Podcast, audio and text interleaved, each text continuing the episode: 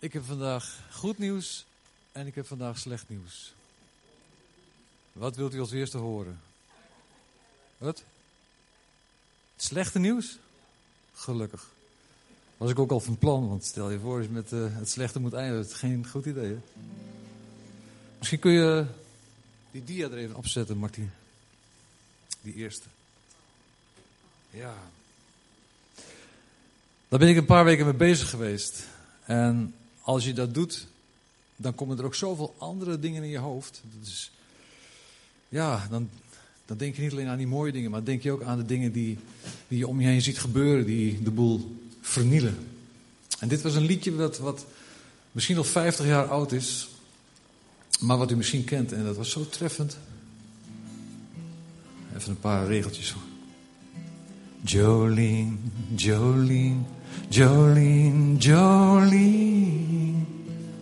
I'm begging, please, don't take my man. Jolene, Jolene, Jolene, Jolene. I'm begging you, I know you can.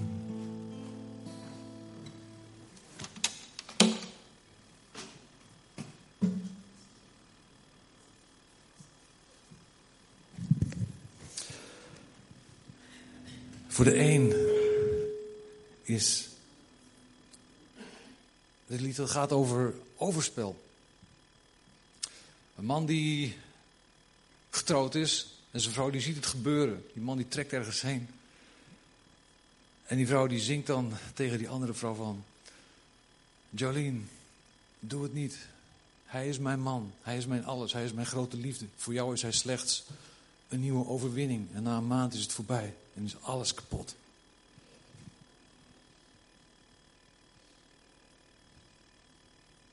En toen ik hiermee bezig was, ik vond dat op zich een heel treffend lied. En um,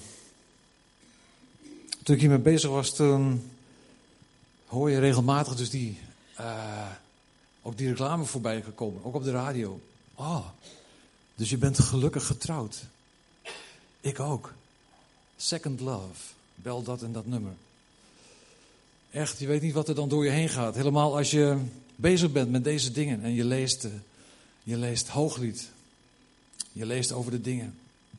Maar je ziet het om je heen gebeuren. Je hoort het van mensen om je heen. Je hoort het bij mensen bij wie je aan het werk bent. Je hoort het bij, uh, bij vrienden om je heen. Weet u, ik ben eventjes geklommen op de website van Second Love. Dit is nog steeds het slechte nieuws, hè? begrijpt u. Ik ben even geklommen op uh, de website van Second Love en daar kwam ik een stukje tegen om iemand maar over de streep te halen. Zo van, het is niet zo gek wat jij denkt en doet. Een bekend platform van Belgische psychologen, heeft verder niks met België te maken, dat stond er nog gewoon bij, heeft na onderzoek ontdekt dat, uh, dat het aantal huwelijken dus schrikbarend uh, uh, uit elkaar valt na zeven jaar. En toen hebben ze gedacht, wat gebeurt er dan met die zeven jaar? En in die zeven jaar blijkt dus dat het gezin uitgebreid is. Er is een kindje gekomen. het hele seksuele leven dat is een beetje ja, moeizaam geworden. De man, de man klaagt dat hij te weinig uh, aan, zijn, ja, aan zijn behoeftes uh, komt. En de vrouw die zit in een heel andere patroon, die heeft het kindje. En ja, dat, dat gaat allemaal niet zo. Dan hebben ze gedacht van, wat moeten we doen aan therapie? En toen kwamen ze tot een hele bijzondere ontdekking. De uitkomst van het onderzoek mag verrassend worden genoemd. Hoewel mannen in de meerderheid zijn, uh, blijken ook vrouwen, onzeker door hun pasvormige status als moeder, behoefte te hebben aan romantiek en seks. Vreemd genoeg blijkt vreemdgaan een positieve invloed te hebben op een huwelijk dat is zwaar weer verkeerd. Volgens de website Second Love. Daar word je eventjes stil van, hè? Ongelooflijk. Ik las het en ik, ik, ik, kon echt niet geloven dat ik het las. Dat die mensen gewoon zeggen van, jongen, dat is de allerbeste keuze die je kunt doen op dit moment in jouw situatie. Doe maar avontuurtje, doe maar dit of dat. En nu de harde waarheid. Dat stond daar niet hoor, maar ik heb het ergens anders opgezocht. Bijna 30% van de huwelijken strand, waarvan daarna de helft is met twee minderjarige kinderen. En deze cijfers houden nog helemaal geen uh, rekening met samenlevingscontracten. Sa mensen die dus uh, samenleven, die dat ook bewust hebben vastgelegd, maar ook gescheiden zijn. Dus het zijn er veel meer. Eén op de vijf gescheiden vaders heeft geen contact met de kinderen. Drie van de vier gescheiden vrouwen met kinderen leven in armoede. En overspel, meestal van de man, is meer dan 30% de reden. Het is eigenlijk heel normaal als je tegenwoordig op een, op een, op een basisschool zou vragen van wie van jullie komt uit een gebroken gezin? Wie van jullie ouders zijn gescheiden? Uh, zijn er alweer nieuwe relaties ontstaan? Heeft je moeder een nieuwe man of je vader een nieuwe vrouw? Dan is het eigenlijk een groot deel van de kinderen in een klas die steken de vinger op. Of ze kennen iemand in de hele dichte omgeving. Het is heel normaal geworden. Mijn ouders zijn ook gescheiden. En daarom kan ik het gewoon begrijpen. Mijn ouders zijn ook gescheiden toen ik zes jaar was. Wij waren op de lagere school, de basisschool, de enige van, een, van de hele school. Het enige gezin met gescheiden ouders. En ik heb het gemerkt. De omstandigheden waren heel anders. Sociale dienst deed moeilijk. Er waren mannen die kwamen over de vloer s'avonds. Verzekeringen moesten veranderd worden. Ik heb later van mijn moeder gehoord hoe moeilijk mannen konden doen. Tegenover een alleenstaande vrouw. Ja, je zult wel weer, weer eens wat zin hebben. Dat zeiden ze tegen haar. Ongelooflijk, mensen van de verzekeringsmaatschappij. Hele gekke dingen allemaal. Armoede. Achtergesteld worden. Je zag kinderen de straat, zag je op vakantie gaan. Jij bleef thuis, al het zoveelste jaar. We hadden geen geld.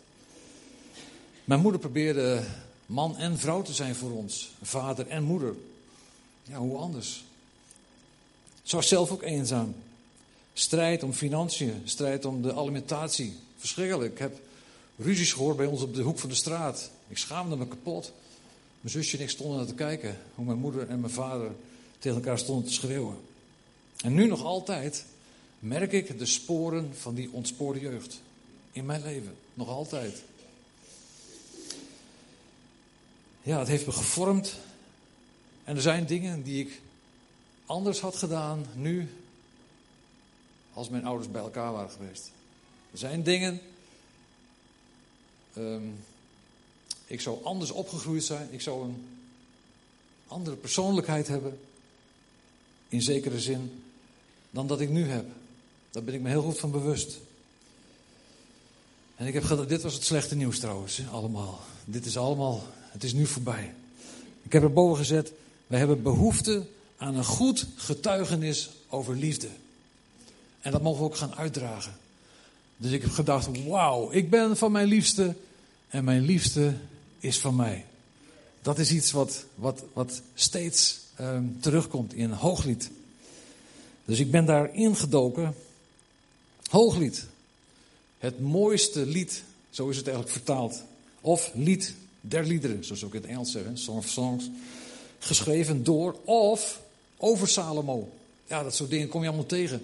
Salomo zou waarschijnlijk niet al die dingen geschreven hebben over zijn eigen leven. Het is niet helemaal duidelijk. Maar Hoogboek is wel een boek wat je niet zo vaak leest als de Evangeliën. Of als Jezaja, bepaalde stukken. We hebben allemaal, als je de Bijbel zo neemt, kun je precies zien aan die zwarte bladzijden welke gedeeltes je altijd leest. Is het niet zo? Hooglied is vast een hele mooie blanke serie bladzijtjes. Kijk maar eens even op je kaft. Bij mij niet, er zit een zwart dingetje, maar dat is een, uh, een stickertje. Daar moet ik zijn straks. Ik was altijd in de veronderstelling dat het boek ging over de relatie tussen Salomo en de Sulamitische vrouw. Dat het daar allemaal over ging en dat het uiteindelijk allemaal koek en ei werd en ja. Maar zo was het niet. Hoog, Hooglied uh, behoort bij de, is een van de vijf feestrollen die voorgelezen worden uh, tijdens het achtdaagse paasfeest wat de Joden vieren. En ze gedenken dan ook de uittocht uit Egypte en op die achtste dag dan wordt uh, Hooglied voorgelezen. Ik heb ergens ook gelezen dat uh, de jongens uh, tot hun dertigste eigenlijk dit boek moeten overslaan om te leren. Want het, je zou het nogal een, een erotisch boek kunnen benoemen. Als je het op een bepaalde manier gaat lezen en er staan wat dingen in. Dat de Joodse jongens die mochten tot hun dertigste eigenlijk dit boek niet lezen. Maar het werd dus wel hardop voorgelezen op de achtste dag. Hooglied kun je uitleggen vanuit drie zienswijzes. En dit boek, als het voorgelezen werd, dan was de zienswijze: dit is de liefde van God naar Israël toe. Dit is de liefde van God voor zijn volk. de liefde tussen man en vrouw. Het uitredden, het, het, het, ondanks dat er dingen gebeuren, ondanks dat er moeite is en strijd, blijft die liefde boven alles bestaan. Je kunt ook bekijken de relatie tussen Christus en zijn gemeente. Daar gaan we straks misschien ook eventjes wat, wat over zeggen. En je kunt natuurlijk bekijken, het is de relatie tussen man en vrouw. Hele gewone relatie tussen man en vrouw. Een voorbeeld. we hebben behoefte aan een goede relatie. We hebben behoefte ehm, aan een goed getuigenis over liefde. Nou, dit is een goed getuigenis over liefde. Dwars door alle moeilijkheden heen blijft de vrouw trouw aan de man. Blijft die man trouw aan zijn vrouw. Bloeit die liefde op. En uh, gebeuren daar prachtige dingen. Even een klein stukje intro. De Sulamitische vrouw, die heb ik maar Sula genoemd, dat is makkelijker. Sula. Een jonge vrouw die Sula wordt genoemd, is verliefd op een jonge man. En die wordt beschreven als een herder. De liefde is wederzijds. Nou heeft Sula broers. En die hebben gezegd, ja, zij is heel bijzonder. We hebben maar één zus en daar moeten wij goed op passen. Dus die beschermen haar aan alle kanten. Die willen de eer van hun zus bewaren. Maar Sula die komt ongewild in contact met koning Salomo. En daarbij proberen uh, de vrouwen uit de harem van Salomo, genoemd de dochters van Jeruzalem in uh, Hooglied, die willen haar inpalmen, evenals koning Salomo haar wil inpalmen en in zijn harem wil opnemen. Sula blijft echter trouw aan haar herder. En uiteindelijk wordt haar trouw beloond en is het eindgoed al goed. Nou, het verhaal begint. Het loopt allemaal door elkaar heen. Het is heel goed dat er sommige Bijbels. Daar staat erbij zij, hij, dochters van Jeruzalem, dit, dat. Dan kom je er een klein beetje uit. Het, het verhaal begint dat de dochters van Jeruzalem hun koning Salomo loven en zeggen dat ze graag zijn in de nabijheid van Salomo. Ze vinden dat geweldig. Ze spreken direct over de dure parfums, over de zalfolie die ze, krijgen. En ze zien er ook uit als door een ringetje te halen. Prachtig. Zalf en, en ik weet niet wat allemaal. Ze zien eruit als, uh, ja, um, Holland's Next Model of zo. Ze spreken over de goede naam van Salomo ook. Want dan zeggen ze, daarom, koning Salomo, hebben de meisjes u lief. Want u bent zo goed voor ons. U verstrekt ons alles. We mogen in uw paleis wonen. We hebben het zo goed. We hebben te eten, te drinken. We mogen delen in rijkdom. De meisjes hebben u lief. Trek mij mee en we zullen achter u aansnellen, zeggen de dochters van Jeruzalem. De meisjes uit de harem. Maar Sula, die hoort de lofprijzing over Salomo. En hij ziet de vrouwen van, van de harem. En ja, ze heeft vast wel eens eh, in de spiegel gekeken. Ze heeft vast wel eens of in het water gekeken. Terwijl ze bezig was om haar wijngaard eh, te bewaren. En dan ziet ze de vrouw en ze denkt niet al te positief over zichzelf. Ze zegt: hmm, Mijn huid is donker, verbrand door de zon, omdat ik altijd van mijn broers buiten moest werken in de wijngaard. Eigenlijk zegt ze: Ja, tegen jullie kan ik niet op. Jullie met je mooie blanke huid en, en je prachtige ogen en mooi opgemaakt. De mannen waren hard voor mij. Ze wilden me beschermen tegen mannen met slechte bedoelingen. Daarom moest ik altijd buiten staan in die hete zon, werken in de wijngaard. Maar mijn eigen wijngaard, voor mezelf, heb ik niet goed gezorgd. Want ze had de opdracht om in die wijngaard te blijven, zodat mannen daar niet konden komen en haar oneerbare voorstellen zouden doen of dingen zouden doen, waardoor ze de broers uh, ja, boos zouden krijgen. Ze heeft niet goed de opdracht van de broers in gedachten gehad. En ze heeft die wijngaard verlaten. Nou zit ze in de puree. Waarschijnlijk is ze, om die wijngaard te verlaten, geprobeerd achter haar grote liefde aan te gaan, die herder. Maar de veiligheid was nu weg. En ze kwam de stoet van koning Salomo tegen. De stoet stopte en ze werd meegenomen. Ze werd ingelijfd in de harem van Salomo en zijn paleis binnengebracht. En dan staat er, en nu zit ze ongewild bij Salomo aan tafel. En hij hoort haar minderwaardig praten Over zichzelf. Ik ben donker, ik zie er niet uit en ik ben maar een eenvoudig meisje en ik kan hier niet zijn. Eigenlijk zou ze willen zeggen, ik wil hier ook niet zijn. Maar dan zegt koning Salomo tegen haar: Mooiste van alle meisjes ben jij. Je bent zo mooi met je sieraden. Ze was al bekleed met sieraden. Hij zegt: Ik ga het nog mooi doen. Ik ga gouden sieraden voor je maken met zilveren balletjes erin. Je zou het op twee manieren kunnen opvatten. Dat Salomo zegt van, je bent voor mij zo kostbaar, ik ga je nog meer, nog meer uh, rijkdom, ik ga je nog meer ringen geven, uh, sieraden. Sommige vrouwen zijn er ook gek op, die, die worden blij als ze sieraad krijgen. Ik zal gouden sieraden voor je maken met balletjes van zilver. Nou, dat zou uh, ping ping jongens, hè. Dat, dat, dat is echt een cadeau. Maar het was koning Salomo. Je kan ook zeggen, meisje, je ziet er niet uit. Daar heb je ook gelijk in. Maar als ik jou wat sieraden geef, dan wordt het al een stuk beter. Ja, dat staat er allemaal niet bij, maar dat moet je dus, ja, dat moet je maar bedenken, al die dingen. Maar Sula, die zit aan die tafel en een eind verderop zit die koning Salomo en die zegt, terwijl ik bij de koning aan tafel zit, denk ik aan mijn liefste. Mijn liefste is voor mij als een parfum in mijn hals. Ze rook de hele dag die parfums en die zalfolie van die andere vrouwen. Misschien was ze zelf ook al besprenkeld, had ze zelf ook al een flesje gekregen. Beter dan de parfum en de eh, zalfolie van Salomo, waarmee hij aandacht trachtte te kopen. Aandacht en liefde. Je bent zo mooi en wat is het heerlijk om bij je te zijn. Dat, die dingen bedacht ze zich. O herder, o herder, mijn liefste. Mijn liefde is voor mij als parfum in mijn hals. Je bent zo mooi. Wat is het heerlijk om bij je te zijn. Ik, bedenkt ze zich, ik ben maar een lelietje van Dalen.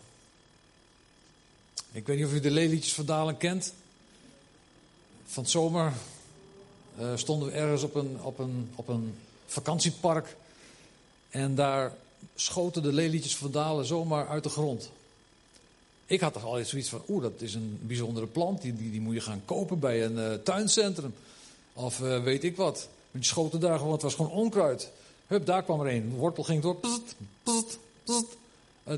Rondom het chalet, alles was bezaaid met lelietjes verdalen. Dus iedere keer als ik weer een zag, zag ik de teller van het aantal euro's echt naar beneden gaan. Ik denk, die dingen zijn gewoon niks meer waard. Dat is onkruid. Zij zegt, ik ben maar heel gewoon een lelietje van dalen. Ze denkt nog aan de woorden die hij haar antwoordde toen zij deze minderwaardige gedachten had. En hij zei: Jij, je bent zo mooi als een lelie tussen de distels. Dus hij zegt: Jij bent een lelie. Die andere vrouwen, dat zijn gewoon distels. Ah, wauw, die kwam goed aan, hè? Jij bent zo mooi als een lelie tussen de distels. Je bent mooier dan alle andere meisjes. Denk niet minder waardig over jezelf. Je uiterlijk is veel minder belangrijk dan je innerlijk. Misschien heeft u de spreuk van broeder Wim ooit wel eens uh, gehoord. Dan stond hij hier, hè, kan het niet nadoen, maar met die grote handen zo, zei hij: Spiegeltje, spiegeltje aan de wand. Hoe is het met jouw binnenkant? Dat vond ik zo'n gave spreuk. Spiegeltje aan de wand. Hoe is het met jouw binnenkant? Want daar gaat het om, niet die buitenkant. Dat geloven we wel. Greetje zei al, je had naar de kapper gemoeten deze week. Ja, dus ik zeg ze niks over mijn binnenkant. Maar goed, oké.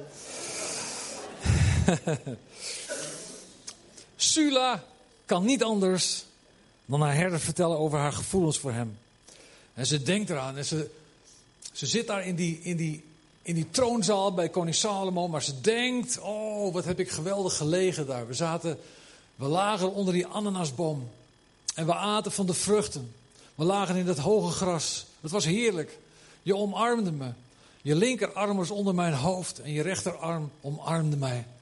Een innige omstrengeling. En Sula die, die, die genoot ervan. Ze vond het geweldig. Ze dacht eraan terug. Terwijl ze die haren bekeek met al die opgedirkte meisjes. En koning Salomo, waar ze natuurlijk respect voor had.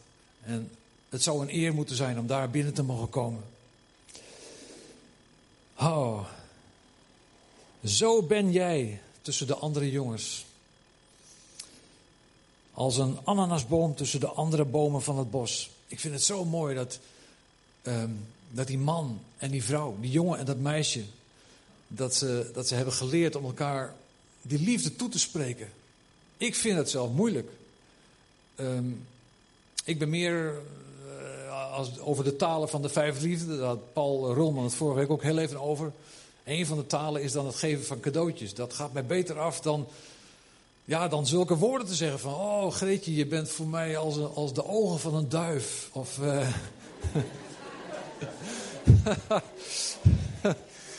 ja... De meeste duiven die ik tegenkom, die zitten in een toren waar we moeten schilderen. En eh, je wil niet weten hoe die beesten eruit zien, dus ik durf dat niet te zeggen. Maar, ja, ik wil graag in jouw schaduw zitten en van je zoete vruchten eten. Want die zijn heerlijk. Die woorden komen moeilijk bij mij naar, naar buiten toe. Dat moet ik eerlijk zeggen, dat mag je rustig weten. En dat heeft misschien ook wel te maken met wat ik vroeger heb meegemaakt. Maar gevoelens uiten, dat is voor mij oeh, en dan lezen we van Sula. Hij, de herder, heeft mij naar het wijnhuis gebracht. En ik geniet daar van zijn warme liefde voor hem. Ik geniet daar van zijn warme liefde die hij ook voor mij heeft. Bedwelmende liefde. Er bestaat niets anders meer liefde. Verfris me met wijn en vruchten, want ik smelt van liefde voor hem. Ze gingen zo op in elkaars liefde. Ze waren in het wijnhuis en ze aten en ze dronken. En ze genoten van elkaar. Ze hadden een fantastische verkeringstijd. En dan, na een hele lange periode van wintertijd, daar wordt eigenlijk niks over gezegd. Misschien zagen ze elkaar niet veel. De herder die was misschien bij zijn, schaap, zijn schaapskudde in een schuur.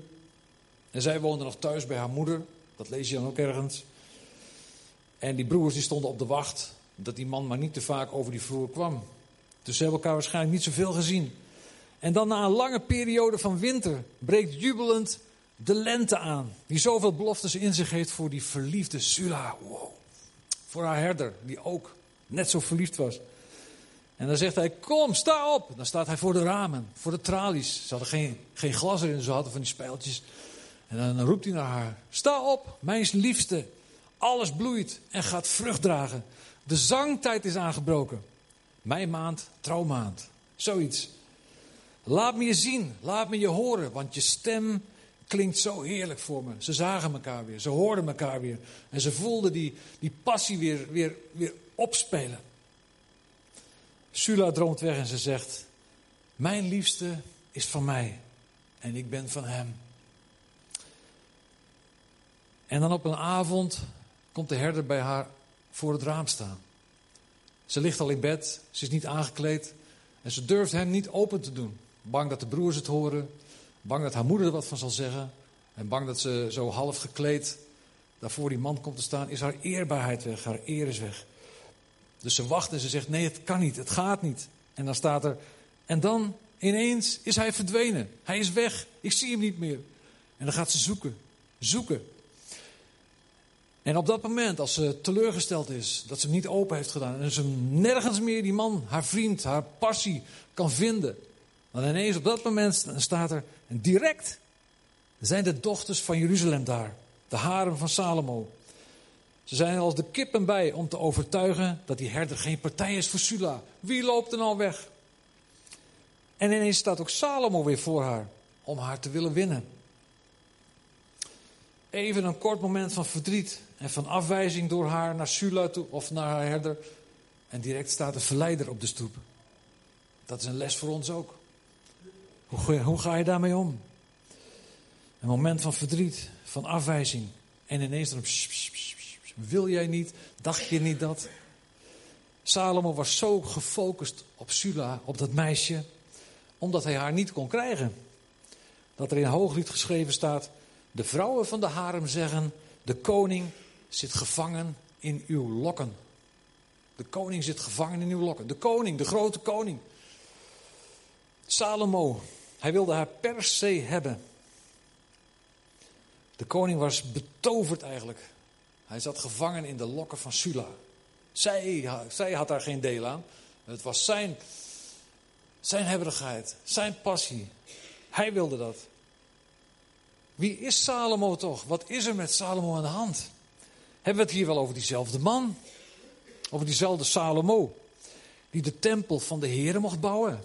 Hebben we het hier over diezelfde Salomo?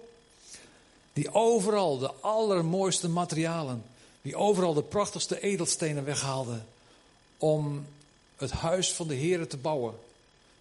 Naar het idee van David, zijn vader. Hij die de tempel mocht inwijden. Hij die zoveel van de Heeren hield. Ja, dit is diezelfde Samuel, uh, Salomo. In de tweede helft van zijn regeerperiode ondergaat hij die verandering. Want 1 Koningin 11 zegt over Salomo dat hij naast de dochter van de farao, zijn vrouw, vele anderen tot vrouw had gemaakt. Uit Moab, uit Ammon, uit Edom. En zo staan er nog wat van die landen, omringende landen. En de Heere had tegen Salomo gezegd: Trouw niet met hun, want ze verleiden je om vreemde goden te dienen.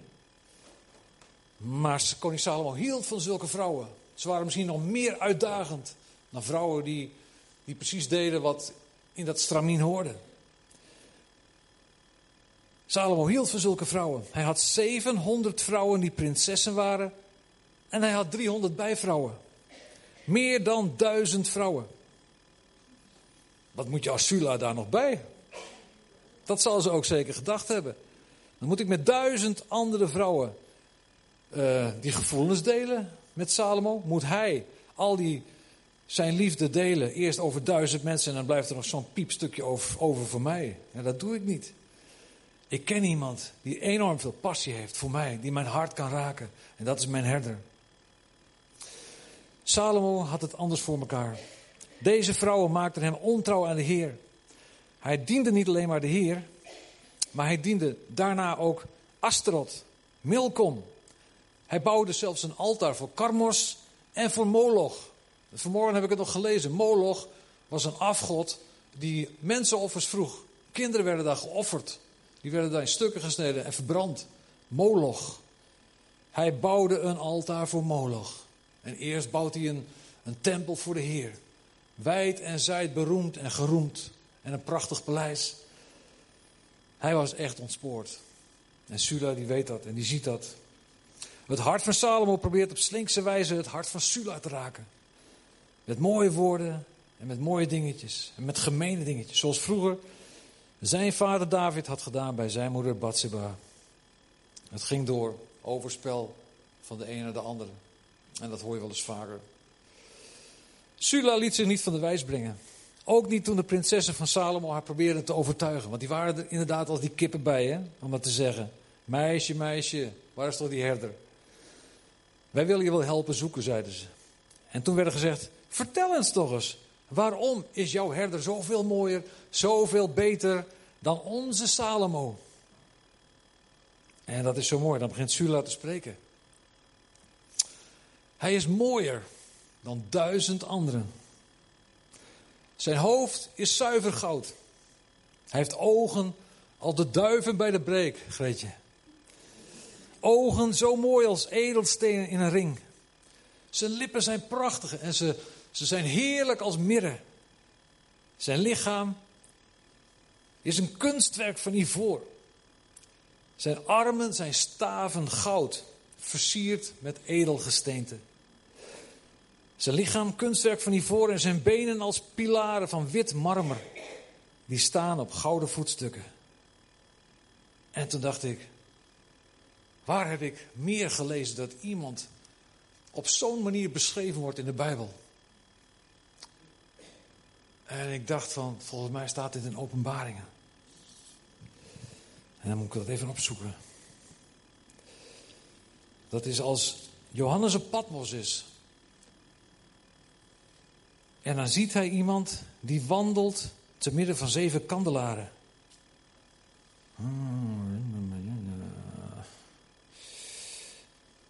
Even kijken. Ja. En dan hoort hij iemand zeggen: Schrijf op wat je hoort. Ik ben de eerste en de laatste. En ik draaide mij om, want ik wilde zien wie er tegen mij sprak. En toen ik mij omdraaide, zag ik zeven gouden kandelaren. En tussen die kandelaren zag ik iemand die op een mens leek. Hij had een gewaad aan dat tot zijn voeten hing, met om zijn borst een gouden band. Zijn hoofd en zijn haar waren zo wit als witte wol, ja wit als sneeuw, en zijn ogen vlamden als vuur. Zijn voeten leken van gloeiend koper te zijn, en zijn stem klonk als de zee. In zijn rechterhand hield hij zeven sterren, en uit zijn mond kwam een vlijms, vlijmscherp zwaard. En zijn gezicht straalde als de zon op het heetst van de dag. Wauw. Dat is onze Jezus. Dat is Jezus. De verheerlijkte Jezus. Ik denk, oh, die wordt ook zo beschreven zoals Sula haar herder beschrijft. Ja, we mogen ook zo naar Hooglied kijken. Wij mogen inderdaad kijken naar Jezus Christus, die verbinding zoekt met zijn gemeente, met zijn kerk. Te midden van de gemeente, zijn kerk, staat hij. En zoals dat hooglied gelezen wordt als een getuigenis van Gods liefde voor zijn volk, zo mogen ook wij het lezen als een liefdesbrief van Jezus aan zijn kerk. En Jezus zegt vanmorgen tegen jou en tegen mij: Wat ben je toch mooi, mijn liefste? Jezus zegt dat vanmorgen tegen jou. Wat ben je toch mooi, mijn liefste? Kijk niet in de spiegel van de uiterlijkheden, maar kijk in de spiegel van je hart. Daar waar ik woning heb gemaakt en daar waar ik straal en daar waar ik bezig ben om mijzelf steeds meer in jou te openbaren. Wat ben je toch mooi? Jezus heeft mij naar het wijnhuis gebracht. En wijn is in de Bijbel ook een teken van de kracht van de Heilige Geest. Geen nieuwe wijn in oude zakken. God wil komen met de kracht van de Heilige Geest. En Hij heeft mij naar het wijnhuis gebracht. Hij helpt om in de kracht van de Heilige Geest ons leven te gaan leven. Van de Geest staat geschreven dat Hij altijd Jezus verheerlijkt. Dat is misschien wel zijn eerste opdracht, zijn eerste verlangen. Jezus verheerlijken, dat wil Hij doen. Als er allerlei dingen gebeuren om, uh, in samenkomsten waarvan je denkt van uh, het lijkt op kracht, er, lijkt op lijken dingen te gebeuren, maar Jezus wordt niet verheerlijkt of de naam van Jezus wordt niet verhoogd. Geloof het maar niet. Jezus moet verheerlijkt worden, dan is het uit de geest. Hij leert ons om Jezus te aanbidden en te, uh, te reageren op zijn liefde. En in het vers over het wijnhuis wordt verder gezegd: Zijn banier over mij is liefde. De manier van Jezus over ons is liefde. De vlag wordt, de vaandel wordt hoog geheven. Als het ware een vaandel van overwinning. En zijn vaandel van overwinning over ons is liefde. Hij zegt vanmorgen tegen jou: Je bent een afgesloten tuin. Zoals Hooglied ook zegt. Waar ik alleen maar mag komen. Een afgesloten tuin waar ik contact met je wil hebben. Waar ik je zoek. Waar je mij zoekt. En waar ik gemeenschap met je wil hebben. Een afgesloten tuin. Een bron waar ik alleen water mag, mag drinken. Een bron waar jij alleen water mag drinken. Mijn bron, jouw bron. Een paradijs, als een bron in een tuin. Een bron met fris helder water.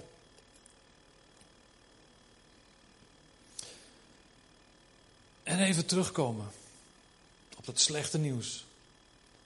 Jezus vraagt niet van ons dat er, dat de liefde die, die Hij voor ons heeft en die wij voor Hem mogen voelen, geen second love. Geen second love. Geen geheime liefde. En misschien is het goed om daar eens over na te denken. Bestaat dat, geheime liefde, een tweede liefde? Jezus vraagt van ons dat we Hem boven alles zullen liefhebben. Dat is zijn verlangen, dat we Hem zullen liefhebben boven alle dingen. Maar soms kan het zijn dat, er, dat je zo fanatiek wordt in iets dat het gaat staan boven de liefde die je hebt voor Jezus. Het kan zijn dat je niet meer naar een samenkomst gaat, dat je denkt: wow, Max is vanmorgen aan de beurt. Ik wil het graag zien. Nou, ik noem maar wat hoor. Dat is een heel, misschien een dom voorbeeld, maar het kan van alles zijn. Je kunt, kan het haast niet geloven, maar misschien zit hier wel iemand die, die een, een, een, een verkeerde relatie erbij heeft. Stiekem, op het werk of Of een buurman. Misschien is je geheime liefde zucht naar macht. Misschien stel je geld boven een relatie met Jezus. Gokken. Of sport. Kijken naar sport. Of er zelf mee bezig zijn. Ik ken in mijn hele naaste omgeving iemand die altijd bezig is met, uh, met uh, hoe heet dat? Ja, een, soort, een soort fitness, maar hij is er nu ondertussen zo breed geworden. En uh, altijd ermee bezig. En hij vindt het geweldig met grote ladders te showen. Want dan kan hij zijn spieren weer eventjes een boost geven. Sport helemaal verdwaasd van, van sport en van zijn lichaam. Je vindt jezelf helemaal te gek. Misschien goed om erover na te denken. Is er bij mij een second love? Er is ook een liedje, een opwekking wat zegt: uh, geen andere naam, uh, geen andere naam dan Jezus, Hij alleen. Uw lieflijk aangezicht wil ik altijd voor mij zien. En dan, heeft het, dan spreekt het ook over: heb geen andere liefde voor je dan, dan Jezus alleen. Sula zegt op een gegeven moment: Kom, noorderwind. Kom, zuidenwind, opdat de balsemgeuren stromen.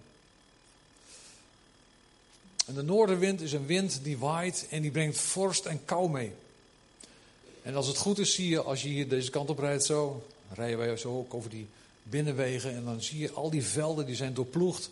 De gewassen zijn er bijna allemaal af. En de boer is bezig geweest om alles om te om te draaien en nog eens een keer te hakselen. En het zijn, het zijn niet van die grote voornen, maar het zijn allemaal van die stukjes aarde die daar liggen te wachten totdat die noorderwind komt. Want blijkbaar is het zo, als de noordenwind met de vorst komt en die kan helemaal door die aarde komen, verandert de structuur van de aarde en wordt het uh, in de lente veel beter om daar iets mee te kunnen doen. Kom noordenwind.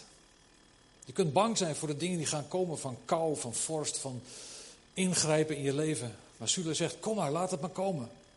Want daarna komt de zuidenwind. Dingen die in mijn leven gebeuren zijn een voedingsbodem voor dat wat straks gaat gebeuren. Want daar geloof ik in, want, want Jezus is alleen maar goed. Als Hij bepaalde dingen toelaat in mijn leven, dan komen er ook andere dingen die daar overheen gaan. Dan komt de zuidenwind en dan zal er meer vrucht komen. Dan zal er meer, meer opbrengst op de akker zijn. We hebben het allebei nodig. Er is nog zoveel te zeggen over Gods liefde, over de liefde van Jezus voor jou, voor u. We moeten accepteren, gewoon aannemen dat Hij ons lief heeft met een oneindige liefde. Zo sterk dat Hij voor jou alleen aan het kruis ging. Voor jou alleen aan het kruis ging. Weet u, God maakt er geen potje van. Dat kun je lezen op dat wat er zo meteen komt te staan. Ja, geloof je dat? God doet niet aan avontuurtjes. Als God een liefdesrelatie begint, dan is het voor eeuwig en voor altijd. Hij houdt van jou. Het is geen avontuurtje. Het is niet vandaag wel en morgen niet en ik merk niks van hem. Hij is er echt. Hij is er echt. En hij houdt van je. Misschien ervaar je het niet altijd, iedere dag. Hij is er voor jou. Hij houdt van je. Echt, hij houdt van je. Als jij de enige was, je weet het, hij zou voor je sterven. En straks zullen we met al die gelovigen samen gaan zien hoe groot, hoe breed, hoe hoog en hoe diep de liefde van Christus is. Dan zullen we gaan zien dat die liefde te groot is om die te begrijpen. En zeker nu met onze aardse ideeën. En, en dat kunnen we helemaal niet begrijpen. Straks met z'n allen misschien een beetje. Als die, als die video van ons eigen leven straks wordt afgedraaid, we bij God zitten. En hij zegt, Rijn, kom eens. Ik wil je wat laten zien. Kijk, daar was ik al met je bezig. Dan denk ik van, oh, dat was ik acht jaar. Ja, daar was ik al met je bezig. Zie, ik heb je daar bewaard. Dat wist jij niet. Ja, maar heer, daar, daar, daar. Ik was 14 jaar en ik zat op die brommen en dat mocht niet. En ik kwam knalde bijna tegen die vrachten. Ik heb je gezien, Rijn. En ik hield al van je. Je kende mij nog niet. En daar. Oh heer, ik had ruzie met de voorganger. Dat heb ik ook gezien. Dat was niet erg fijn. Maar ik heb je gezien en je hebt het in orde gemaakt. En zo wordt er misschien wel een video van ieders leven afgedraaid. Ja, misschien hoor. Ik weet het niet, maar ik heb er zo mijn eigen ideeën wat over. Maar dan pas gaan we zien hoe groot, hoe diep, hoe breed en hoe lang die liefde van Christus is voor ons allemaal. God is geen God van avontuurtjes. Maar God verlangt ook niet dat wij een second love hebben. Hij verlangt naar oprechte liefde van ons naar Hem toe. Hij, vanmorgen reikt Hij zijn hand weer uit in het avondmaal. Het brood en de wijn. Het staat hier klaar. Het is de maaltijd van de Heer. En je wordt uitgenodigd. Heb je een, relatie met God? Weet jij dat er dingen in orde zijn tussen jou en tussen God? Heb je de dingen in orde gemaakt? Leef je zoals een christen zou moeten leven? Woon je niet samen? Nou, ik zeg maar wat, je hebt geen seks voor het huwelijk. Um, noem maar op. Heb je, ben je boos op iemand hier in de gemeente? Roddel je over iemand? Of je moet het in orde gaan maken. Want Jezus nodigt je wel uit om te komen. Wij mogen beter weten, dus laten we het in orde maken. Als God ons zo lief heeft, wie zouden wij er zijn om, om een ander niet lief te hebben? Hij heeft ons de macht gegeven om een kind van God te zijn. En dat betekent ook dat je vergeving geeft. Dat je met dingen ophoudt. Dat je Hem op de eerste plaats stelt. Het aanbiedingsteam mag naar voren komen. En dan willen we samen dat avondmaal gaan vieren.